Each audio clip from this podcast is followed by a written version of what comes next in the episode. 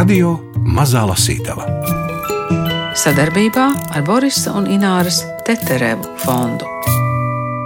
Šo grāmatu jūs eh, droši varat saukt par sarežģītu, pārdrošu vai strīdīgu, bet tā noteikti ir interesanta. Jo autors Maikls Spicers cilvēku attiecības ar mūziku skata vismaz trijās dažādās laika skalās. Liverpūles Universitātes mūzikas nodaļas profesora Maikla Spicera par uzvārda atveidu latviešu valodā gan mazliet pastrīdējāmies, Grāmatu Homo mūzikus dzīvības vēsturi uz zemes no angļu valodas tulkojas Renāta Punka. Viņai arī visi mūsu jautājumi.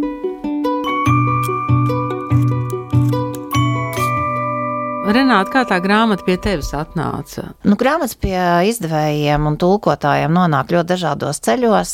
Viens no tiem ir, ka ir literāra aģentūra, kura izsūta vēl krietnu brīdi pirms iznākšanas grāmatas puslīdz pabeigt manuskriptu lai cilvēki iepazīstas, potenciāli ārzemju izdevēji iepazīstas ar to. Un, nu, tā kā Jāņa Rozes apgāda pūrā jau ir neviena viena tulkota grāmata gan pieaugušajiem, gan bērniem par mūzikas vēsturi, tad um, šķita, ka ir vērts iemest aci. Es to izdarīju. Man likās, ka šī grāmata ir ļoti, ļoti piemērota tieši latviešiem, tāpēc, ka mēs, man šķiet, ņemot vērā visas mūsu kormūzikas tradīcijas un visas mūsu bēdas, ko mēs liekam zem akmeņa un katram savu tautas dziesmu un tā tālāk un tā joprojām, Mēs, man šķiet, esam vēl vairāk homo mūzikus nekā daudz citi. Un, kāpēc gan lai par to nepalasītu, un ja neviens latvietis par to neraksta, tad mēs, kā jau izdevniecībai Jānis Rozes, tas ir ierasts, piedāvājam viedokļus, ko ir radījuši citās valstīs. Nu, šajā gadījumā tas ir Maikls Spicers un eh, Spicers, Spicers, Spicers, runāsim kā vēlamies, bet es palieku pie Spicera. Un homo mūzikus ir latviešu variants, britu izdevums saucās The Musical Human, bet man šķita, ka tā kā grāmatā pietiekami daudz ir runa gan par homo heidelbergensis, gan par homo erectus, gan par homo tāds un homo šāds tad homo mūzikus uzreiz jau pasaka to, kas tas ir. Nu, muzikālais cilvēks, nu, muzikālais cilvēks. Tur nav viss tā, tā vēstures piegarša. Bet latīņu nosaukumā tas ir. Un tāpēc uh, latviešu grāmata sauc homo mūzikus, un homo mūzikus, protams, arī spicera variantā parādās slāgiem, bet viņš uh, paralēli runā arī The Musical Human. Piedod, Renāt, tu tulkoji no angļu valodas šo grāmatu, bet tu neesi muzikoloģi, vai ne? Es neesmu. Man šķistu ļoti drosmīgi tulkot šo tekstu, tev noteikti vajadzēja vēl visādus eh, blakus tekstus un eh, konsultantus. Protams, tāpēc liels paldies gan eh, muzikoloģijai Laumai Bērzai, gan Inārai Jakobonai, kur faktiski bija pirmā, kas man iedrošināja šo grāmatu tulkot, jo es viņai, pirms mēs slēdzām līgumu, es biju sagatavojis grāmatas par augtulkojumu, tad es viņu parādīju Inārai, es prasīju, vai uh, vai viņai šķiet, ka šī grāmata varētu būt interesanta latviešu lasītājam. Tad viņa uzreiz arī teica, nu, ka, protams, mēs arī, paldies Kultūra Kapitāla fondam, mēs saņēmām atbalstu gan daļēji tulkojumu apmaksai, gan, gan arī literārā redaktora darbam no Valsts Kultūra Kapitāla fonda mūzikas nodaļas.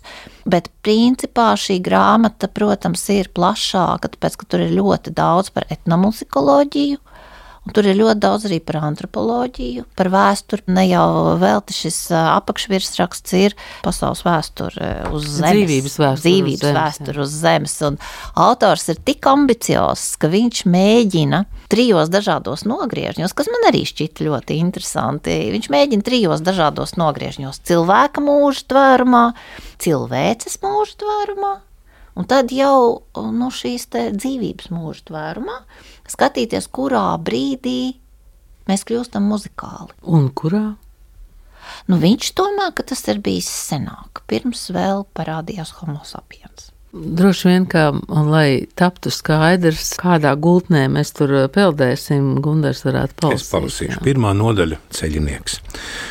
Iztēlojieties, ka pēc vairākiem miljoniem gadu kad Zemi iespējams jau sen būs aprijusi Saule, citplanētieši atver kosmosa zondi Voyager 1, ko NASA palaida izplatījumā pirms 40 gadiem, un noklausās zelta ierakstu, kurā ieskaņoti 27 zemes mūzikas paraugi un apsveikuma vārdi 51 valodā.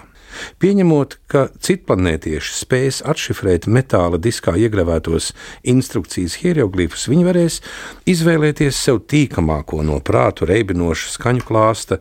Baha otro Brandenburgas koncertu, Javas galma gamelānu, sitam instrumentu ritmus no Senegālas, Čakaberija, eh, Johnny B. Good, Beethovena 5. simfoniju, pānu flautas no Zālamana salām un vēl daudz ko citu. Ko šie citplanētieši varētu sacīt?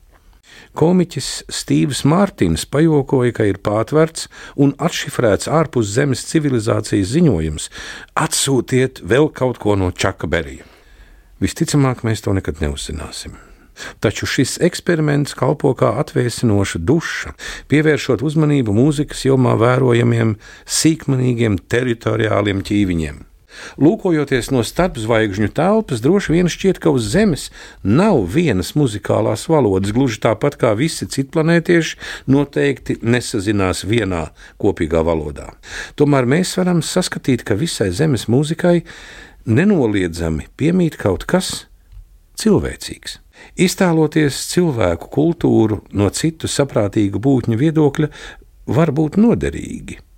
Amerikāņu filozofs Tomas Nēgels, plaši pazīstamajā esejā Kā ir būt sikspārnim, šādi analizējis apziņas teoriju. Ko citplanētieši mums pastāstītu par muzikālo cilvēku?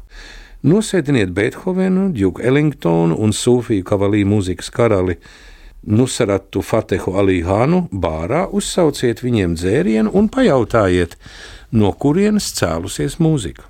Viņu atbildes būs daudz līdzīgākas nekā varētu iztēloties.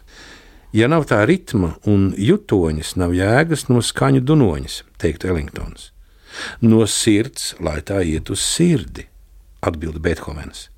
Ja ticam Hanam, lai sasniegtu ekstāzi caur mūziku, ir jābūt gatavam atbrīvot prātu un dvēseli no ķermeņa. Viņi saka, ka mūzika vēsta par dzīvi, emocijām un garu. To, kas izplūst no mūzikas, nevar ieslēgt notīs. Mūzika ir cilvēcīga, un tā padara mūs par cilvēkiem. Mūzika ir saistīta ar cilvēku sugas izcelšanos, tāpēc vēlme uzrakstīt plašu un vērienīgu apceri lielo vēsturi ir nepārvarama. Šāda vēsture ietiektos dziļāk nekā ierastie stāsti par to, kurš kad ko sacerējis. Bachs no 1685. līdz 1750. gadam dzīvojis, komponēja Mateja Pasiju 1730. gadā un tā tālāk. Tās būtu svinības, uz kurām ir ielūgti visi. Ķēniņš Dāvids ar savu līru un psalmu komponisti, Pitagors, Australopitēku pārstāve Lūsija, dziedošie pētiķi un dejojošie papagaili. Stāsts sāktos ar kosmisko sfēru, mūziku un to, kā skaņas liekas sāpīgi sarauties vienkāršiem organismiem. Tas ietvertu agrīno sapiensu protomuzikālās valodas un jautātu, kas tās nošķir no putnu dziesmām vai gibonu brēcieniem. Tas izsakotu mūzikas izplatībai un paralēlajiem attīstības virzieniem dažādās planētas malās un izvērtētu, kā un kāpēc rietumu mūzika atšķēlās un pārtapa atsevišķā likuma kodeksā, Tas nebija nenovēršams triumfs. Drīzāk nejaušība, kam bijušas gan labvēlīgas, gan nevēlamas sekas. Mūzikas evolūcija ir aizraujoša perspektīva, taču šķēršļi sako cits citam. Pirms 1877. gada, kad Edisons izgudroja fonogrāfu, tā netika ieskaņota. Nav saglabājušies skaņdarbi, kas senāki par mūsu ēras 800. gadu. Agrākie sengrieķu mūzikas pieraksti datēti ap 500. gadu pirms mūsu ēras. Pirms tam nekas un klusums. Mūzikas vēsturnieki var vien ar skaudību nolūkoties, kā arheologi darbojas ap reliktiem un fosilijām. Mūzikai šādu izrakteņu nav. Ja neskaita dažas senās alās atrastas kaulu flautas.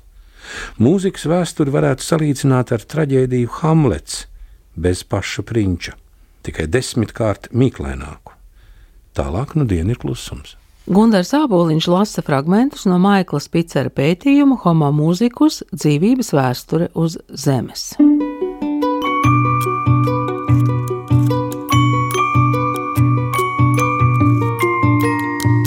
Radio Mazā Lasītava.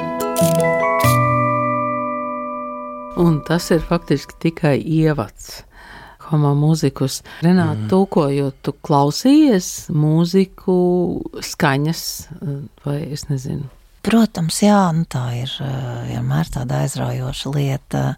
Šī nav pirmā grāmata par mūziku, ko es esmu tulkojis. Tad, kad es tulkoju grāmatu nots, ko sarakstījis Oļegs Dormans, balstoties uz filmu par cienījamā diriģenta Baršāja dzīvi, tur ir epizode, kur Baršājas dzīvo blakus numuriņā Richteru un Richters spēlē konkrētu skaņdarbu, trenējas nākamās dienas koncertam. Un, protams, ka tu nevari atrast interneta dzīvēs tieši to konkrēto nakti. Bet skaņdarbu un Richteru tu gan vari atrast. Un tad dabīgi, ka tajā brīdī, kad tu šo rinkopu tulko, tu uzmeklē to melodiju, klausies, par ko ir stāsts. Es nevaru teikt, ka es tiešām klausījos visus gamelānus, un kā jau grāmatas ievadā ir atzīmēts ļoti daudz no tā, par ko ir grāmatā un par ko cienījamais Liverpools augstskolas profesors mums liek aizdomāties, diemžēl nav iespējams noklausīties, tāpēc, ka tas nekad nav ierakstīts. Bet uh, mūzika Nu, man šķiet, jā, tiešām mūzika mums ir tik būtiska un tik ļoti caurstrāvo mūsu dzīvi, ka tāda pamatīga, kārtīga grāmata par uh, tieši šo tēmu ir ļoti vērtīga lasāmviela. Bet uh, ir arī apstrīdamas lietas. Viņš izvirs hipotēzes, Es domāju, ka nu, tur eh, palasot recenzijas par grāmatu, tie, kas ir nopietnās mūzikas piekritēji, tie, protams, uzsver, eh, ka viņš ir ļoti labi pārzina un orientējās uh, simfoniskajā mūzikā, mūzikas vēsturē, un, un varbūt tie, kas ir džēza vai populārāks mūzikas piekritēji, viņa mazliet pārmetīs to, ka iespējams, ka atsaucas uz nopietno mūziku, uz vēsturisko mūziku, pieņēmumu par to, kā būtu bijis 15. gadsimtā, 5. gadsimtā, 5. gadsimtā pirms mūsu ēras, un kā varbūt bija muzicēja senās ciltis, kas sēdēja akmens laikmetā pie uguns, kur tas ir nomācošā pārsvarā ar popmūziku un, un, un džēzu. No otras puses, un, protams, nu, tā jau tas arī ir.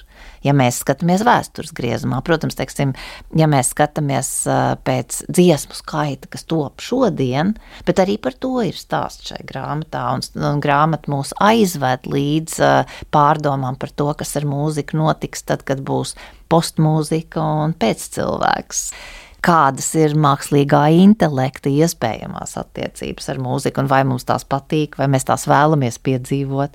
Tā kā šo jautājumu ir ārkārtīgi daudz, un es domāju, ka grāmatā tie ir pietiekami plaši aplūkoti, un grāmatai jau nav jābūt galīgai patiesībai. Grāmatai ir jārosina domāšana. Bet pats uh, autors ir ne tikai um, profesors, uh, muzikologs, viņš ir arī labs, spēcīgs Beethoven pianists. Tieši tā, un kas ir vēl interesantāk, un to es secināju tikai tad, kad mēs jau gatavojām publicitātes materiālus, kad grāmata jau bija gandrīz jau, jau tiešām nododam lasītājiem, izrādās, ka viens no iemesliem, kā literārais aģents, kurš skubināja Maiklu Spiceru sarakstīt tieši šo konkrēto grāmatu, ir nonācis kontaktā ar Maiklu Spiceru. Tas, ka ir akadēmisko rakstu portāls, kurā Spicers ir atzinies, ka patiesībā viņam nemaz nav ne absolūtās dzirdes, ne viņš arī spēja padziedāt. Viņš ļoti labi spēja spēlēt klavierus, bet viņš nespēja noturēt melodiju dziedot. Bet tas netraucē rakstīt par mūziku un mīlēt mūziku. Nu, tur ir nu, dažādi mūzika var arī tad, ja neprot spēlēt klavierus. Arī tad. Jā. Mūzika vairāk nekā literatūra, vairāk nekā glezniecība dēvējama par ūdeņainu mēdīju, kurā mēs peldam. Okeāniskā metāfora spilgti parādās daudzos ziņojumos, ko apkopojas Alfs Gabrielsons, zviedru psihologs, kurš pētīja parastu cilvēku spēcīgo mūzikas pieredzi. Pusmūža sieviete apmeklē koncertu, kur atskaņo Otorino Respīgī Romas pīnijas un raksta, ka skaņu vilnis, kas mani apņēma, radīja sajūtu, ka esmu iesūkta bangojošā nošu mūzikas okeānā. Cita sieviete, klausoties Baha Mateja pasīvu, dzird, kā tā manī šļācās un burbuļoja. Vīrietis apmeklē Šostakoviča astoto stīgu kvarteta izpildījumu un jūtas it kā viļņi mani nestu projām.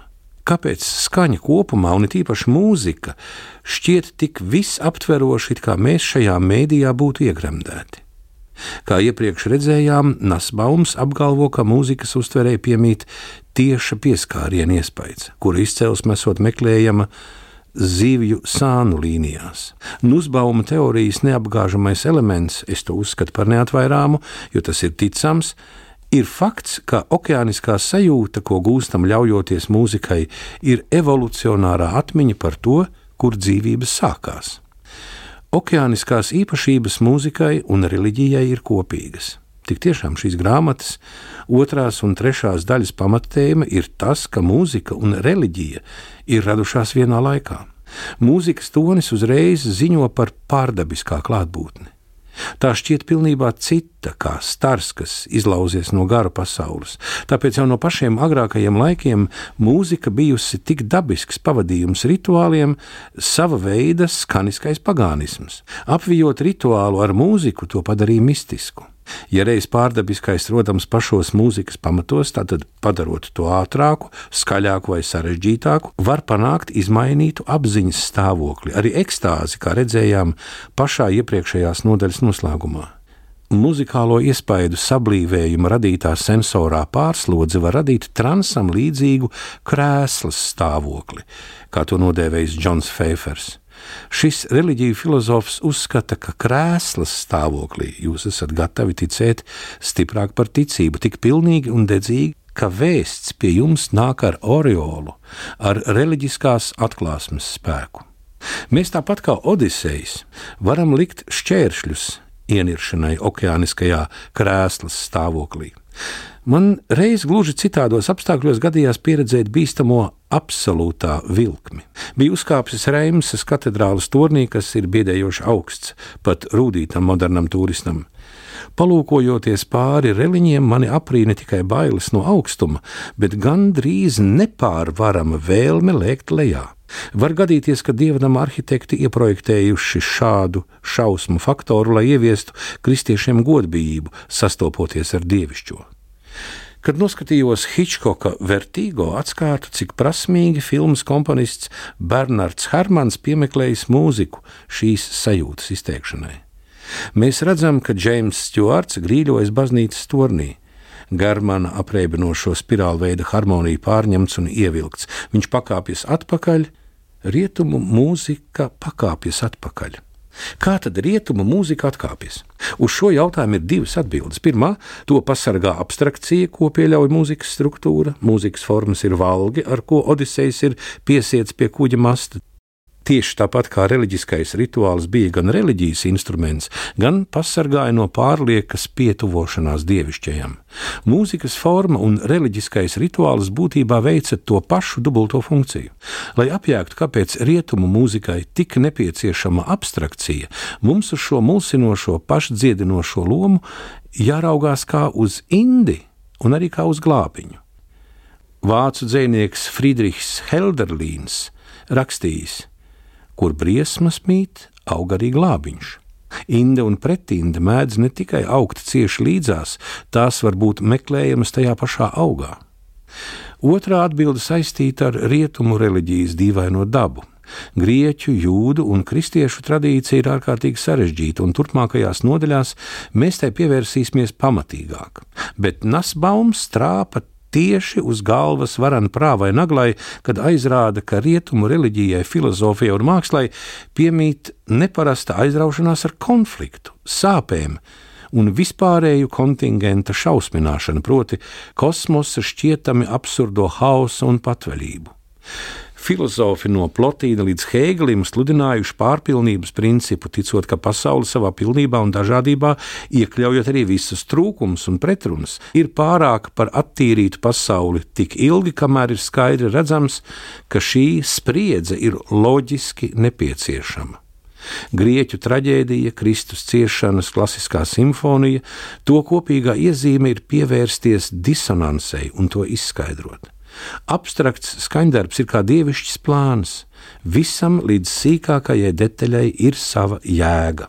Šī formālistu saskaņotība, kur skaidri dzirdams, ka katra nots neizbēgami un apmierinoši ved uz nākamo, secīgi virzoties uz mājām, ārpus rietumiem neattīstījās. Var maldīgi šķist, ka rietuma abstrakcija noliec jutekliskumu kas ir tik būtisks austrumu reliģijām, sevišķi budismam, taču budistu noliedzošā attieksme pret pasaules tukšumu un nepastāvību ir tieši pretstats rietumu pārpilnības principam. Vai mums tas patīk vai ne, un ne rietumnieku ausīm pārņemtība ar labskanīgu veselumu un mērķi var izklausīties samocīt un pārspīlēt. Šis fakts trāpa rietumu homo mūzikus tieši sirdī. Šo grāmatu lasot, uh, ir eh, vēlme un nepieciešamība ne tikai mūziku klausīties un ne tikai meklēt uh, mūzikas filozofijas, bet arī, nu, piemēram, šo vispār zināmo kaut kādu esēju, ko mēs nezinām, vai šo um, plaši pazīstamo filozofu, ja tas viss ir tā kā tādi diedziņi, kur mēs varam iet pa katru no šiem diedziņiem. Te mums ir tā mazliet varbūt skumji jānopūšas par to, ka es domāju, ka mums šeit trījiem sēžot pie šiem mikrofoniem, daudz kas uh, tomēr nav jāgooglē. Mēs to zinām, jo mums to mācīja skolā, vai mēs to ieguvām kaut kā papildus. Bet daudz kas tomēr ir, vismaz man. Daudz kas tomēr ir, bet no otras puses atkal viss ir atrodams, un, un tas neprasa daudz laika. Jā, ir interese. Un šādu grāmatu galvenais virsuzdevums jau ir modināt šo interesi un parādīt, ka diskusijas, sarunas tēma jau nav tikai kaut kas tāds pavisam ikdienišķs. Mums ir jāmēģina. Un, un tāpēc tas bija, protams, izaicinoši, bet no otras puses tas bija, man liekas, arī ārkārtīgi vērtīgi iztulkot šo mm, tekstu latviešu. Jā, tur ir daudz, pietiekami daudz svešvārdu, lai gan es ļoti centos tur, kur ir iespējams arī atrast ļoti latviešu vārdu visām lietām, par ko autors runā. Bet te pašā laikā, nu, jā, šī grāmata iet ārpus tiem 200 vārdiem, ko mēs lietojam pašā, pašā ikdienā. Uh, Bet... Mēs lietojam tikai 200 vārdus. Nu, labi, Elečka Ļudu Jēdovu lietoja 200 vārdus, pārējie lieto mazliet vairāk. Bet uh, ho, ho. mēs īstenībā no vienas puses mēs ārkārtīgi daudz ko varam atrast un uzzināt tīmekļa dzīvēs. No otras puses, mēs um, savā ikdienā, uh, maz runājot par kaut kādām lietām, kas ir ārpus mūsu konkrētās sadzīves, mēs uh, strauji zaudējam savu valodu. Un tāpēc man šķiet, ka latviešu izdevēja uzdevums ir arī nodarboties ar populārzinātnisku, kvalitatīvas populārzinātniskas literatūras izdošanu, tulkošanu, tāpēc, ka nu, tad mēs to savu valodu joprojām paturam dzīvu un vingrinām. Un vingrinām jā. Tieši tā. Nu, savukārt, es pilnīgi varu piekrist. Var piebilst, ka mūsu uzdevums eh, ir atkal modināt interesi par šo grāmatu, ar kuru jūs modināt interesi par daudz dziļām un plašām lietām.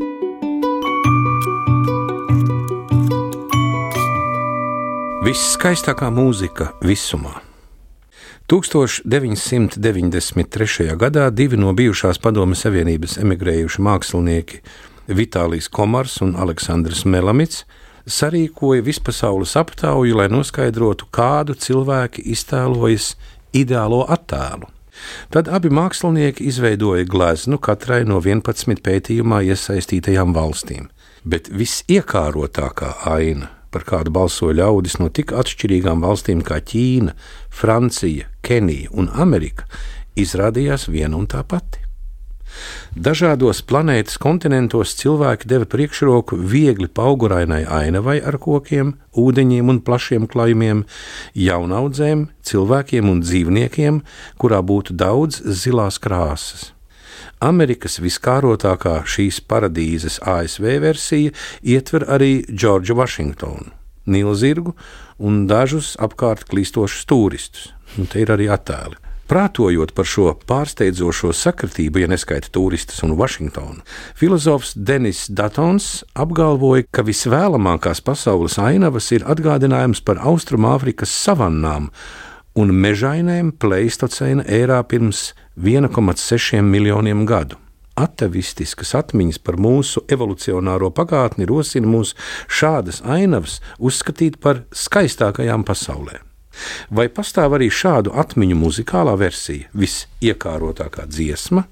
Veicot vēl vienu pētījumu, Komars un Melamits secināja, ka pasaulē vislabprātāk klausās kā zema tembra sieviešu un vīriešu balsis dūdo par mīlestību.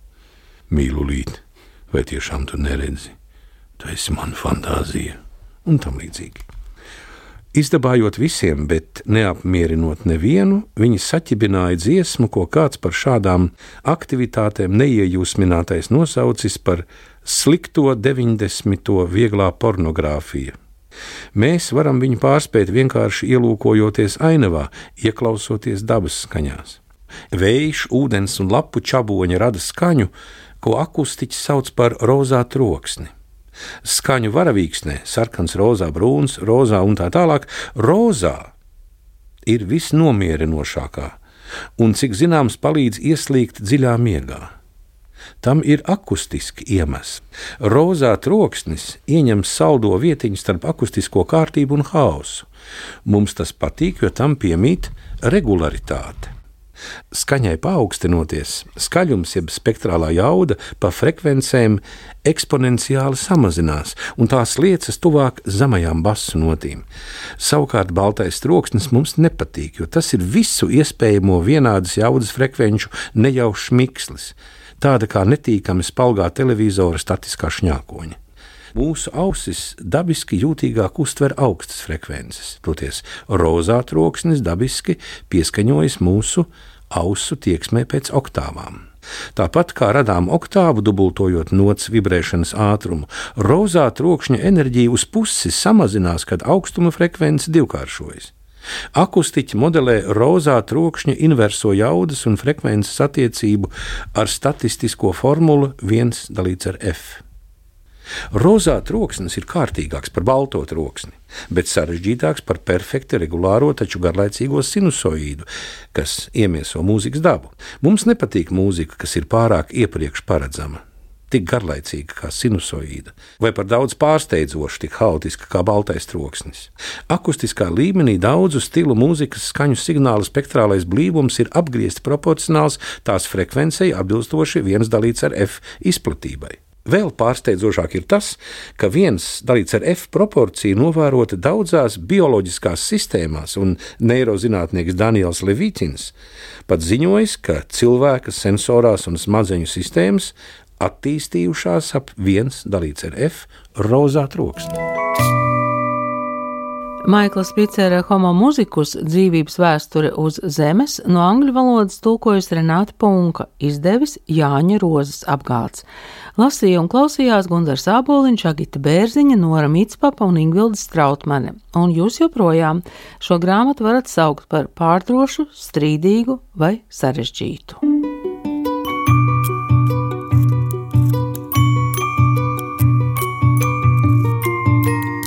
Radio Mazā Lasītava. Sadarbībā ar Borisa un Ināras Teterevu fondu.